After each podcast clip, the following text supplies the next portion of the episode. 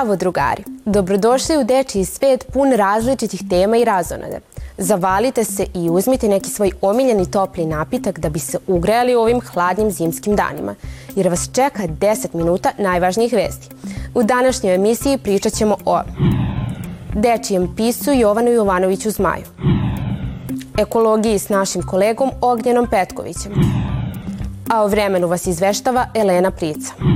Nedavno smo obeležili 190 godina od rođenja našeg sugrađanina, ali i velikog pisca Jovana Jovanovića Zmaja. Verovatno znate da je veliki deo svog života posvetio pisanju za decu, ali ne znam da li ste znali da pored toga što je bio lekar, Zmaj Jova bavio se i novinarstvom. Mi smo odlučili da istražimo koje sve novine izdavao i uređivao, ali smo za vas pripremili i neke manje poznate zanimljivosti iz njegovog života. Sigurna sam da ove podatke niste znali, zato pažljivo gledajte naredni prilog. Jovan Jovanović Zmaj je završio medicinu i veliki deo svog života posvetio je brizi o ljudima. Napisao je Đuli Đuveoke koji predstavlja njegovu autobiografiju, ali pored toga tu su i pesme za decu kao što je Materina maza ili na primer Pačija škola, ali lepo ovaj svet i mnoge druge. Iako je ostavio veliki trag u književnosti domenu dečijeg stvarališta, njegovo ime vezuje se i za novinarstvo.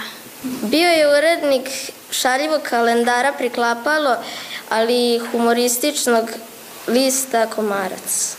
Od 1864. do 1871. izdavao je u Novom Sadu list Zmaj po kojem je i dobio ime.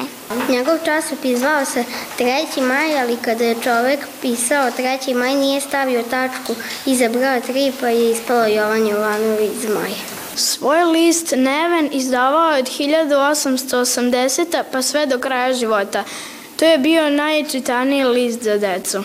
Jovan Jovanović Zmaj rođen je 1833. godine u Novom Sadu, a preminuo je 1904. godine u Sremskoj e, Kamenici.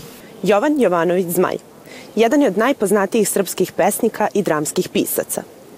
Iako je po zanimanju bio lekar, život je posvetio štampanju i izdavanju političkih, književnih i dečijih časopisa.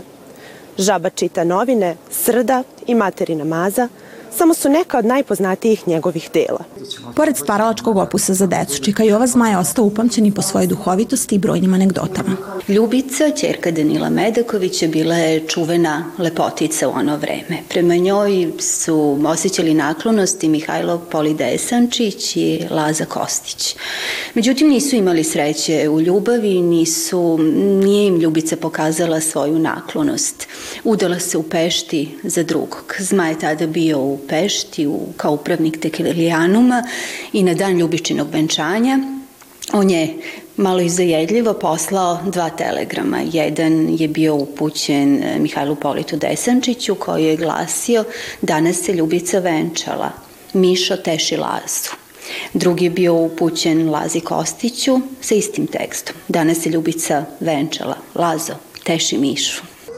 Čika Jova Zmaj postao je deo našeg folklora. Naša sagovornica dodaje da za njega kažu da je i anonimni pesnik, jer se za mnoga njegova dela ne zna po samom naslovu, ali redko ćete sresti nekoga ko ne ume da nastavi njegove stihove.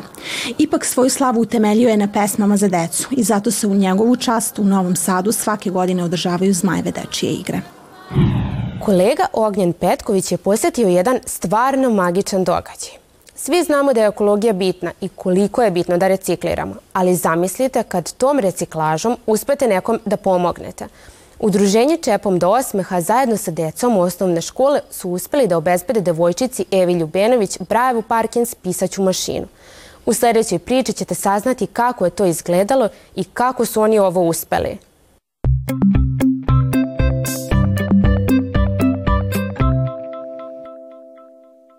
Pozdrav svima i dobrodošli nove ekovijesti. Nadam se da ste se lepo proveli na zimskom raspustu, zato što ja svakako jesam. A danas vam saopštavam vesti, a to su da su moji drugari u saradnji sa organizacijom Čepom do osmeha sakupili sredstava i pomogli su moji drugarici. Da vam ne pričam sad sve detalje, idemo odmah na mesto događaja.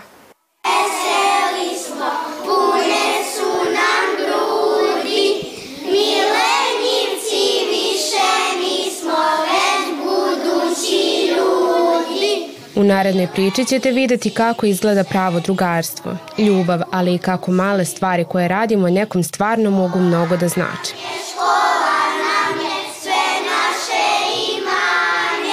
Pa radi se o mašini, to je neka kao Braema mašina i naša drugarica, mi imamo jednu drugaricu u razredu koja je slepa, ona se zove Eva i došli smo po tu mašinu da, da ona može da radi domaći, da kuca i tako za svake predmete i da je usrećimo kao što je ona nama pružila svu, svu ljubav. Mi smo došli sada proslavimo to, a mi mislimo da je Eva toliko srećna i ona se raduje i mi i toliko smo puno srećni i ona će lepo sad moći da kuca i bit će jej lakše. Pa nosio sam svaki dan po jednu kesu čepova, sakupljali smo svi i škupali. Njoj treba ta mašina da bi, da bi mogla e, da radi domaći i da e, radi sve što je potrebno.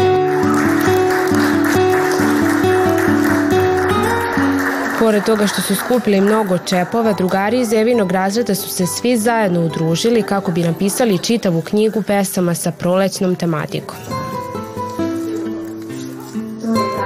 Ovo je naša knjiga.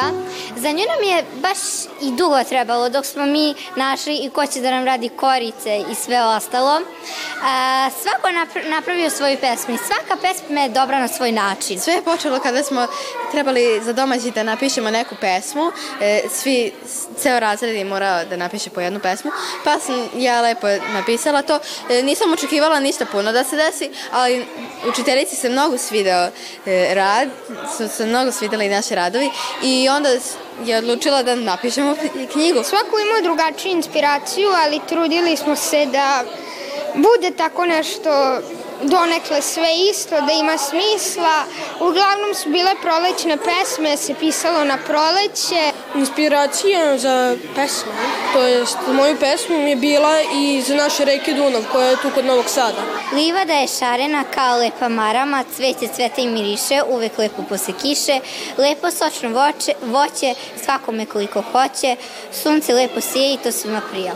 Uh, uspeli smo da prikupimo uh, novac kojim ćemo moći da pomognemo deci sa posebnim problemima, uh, kao na primer Eva što ne može da vidi.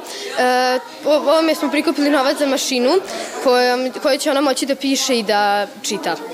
Danas smo se ovde okupili da uručimo 83. pomagalo za našu Evu Ljubenović, koja je, to je devojčica koja, čiji su roditelji, odnosno staratelji, konkurisali na našem konkursu i koja je uh, odabrana da dobije pomagalo. U pitanju je uh, Perkins Brajeva mašina koja će uh, pomoći, pošto je ona rođena slepa, da svakodnevno funkcioniše i napreduje u obrazovanju.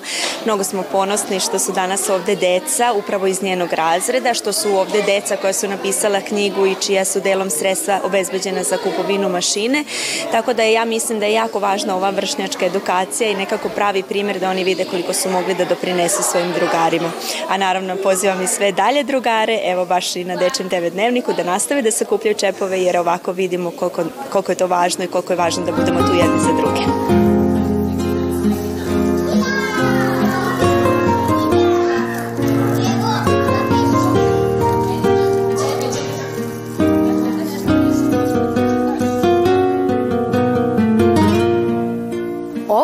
Jedan od mnogih primjera kako jedan vaš mali gest može puno da znači nekoj osobi. Šta da vam kažem? Budite kreativni i pomažite osobama u svojoj okolini ili koji nisu iz nje. To je bilo to od ovih ekovesti. Vidimo sledeće srede u novim još boljim. Ćao! Ja ne znam ništa o vremenu za sutrašnji dan. Moram da priznam da sam danas došla skroz nepripremljena. Ali mogu sebi da dam oduška na tom polju, kao i vi, pošto Elena Prica taj posao obavlja za nas. Ona je pripremila detaljan vremenski izveštaj, zato hajde da ga poslušamo.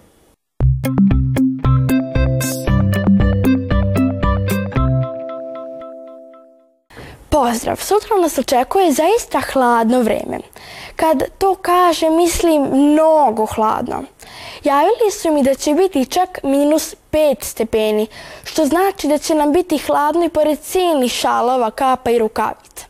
Takođe, najavljeno je da postoji mogućnost da će padati i ledena kiša, tako da budite veoma oprezni i pažljivi tokom sutrašnjeg dana, naročito u jutarnjim časovima.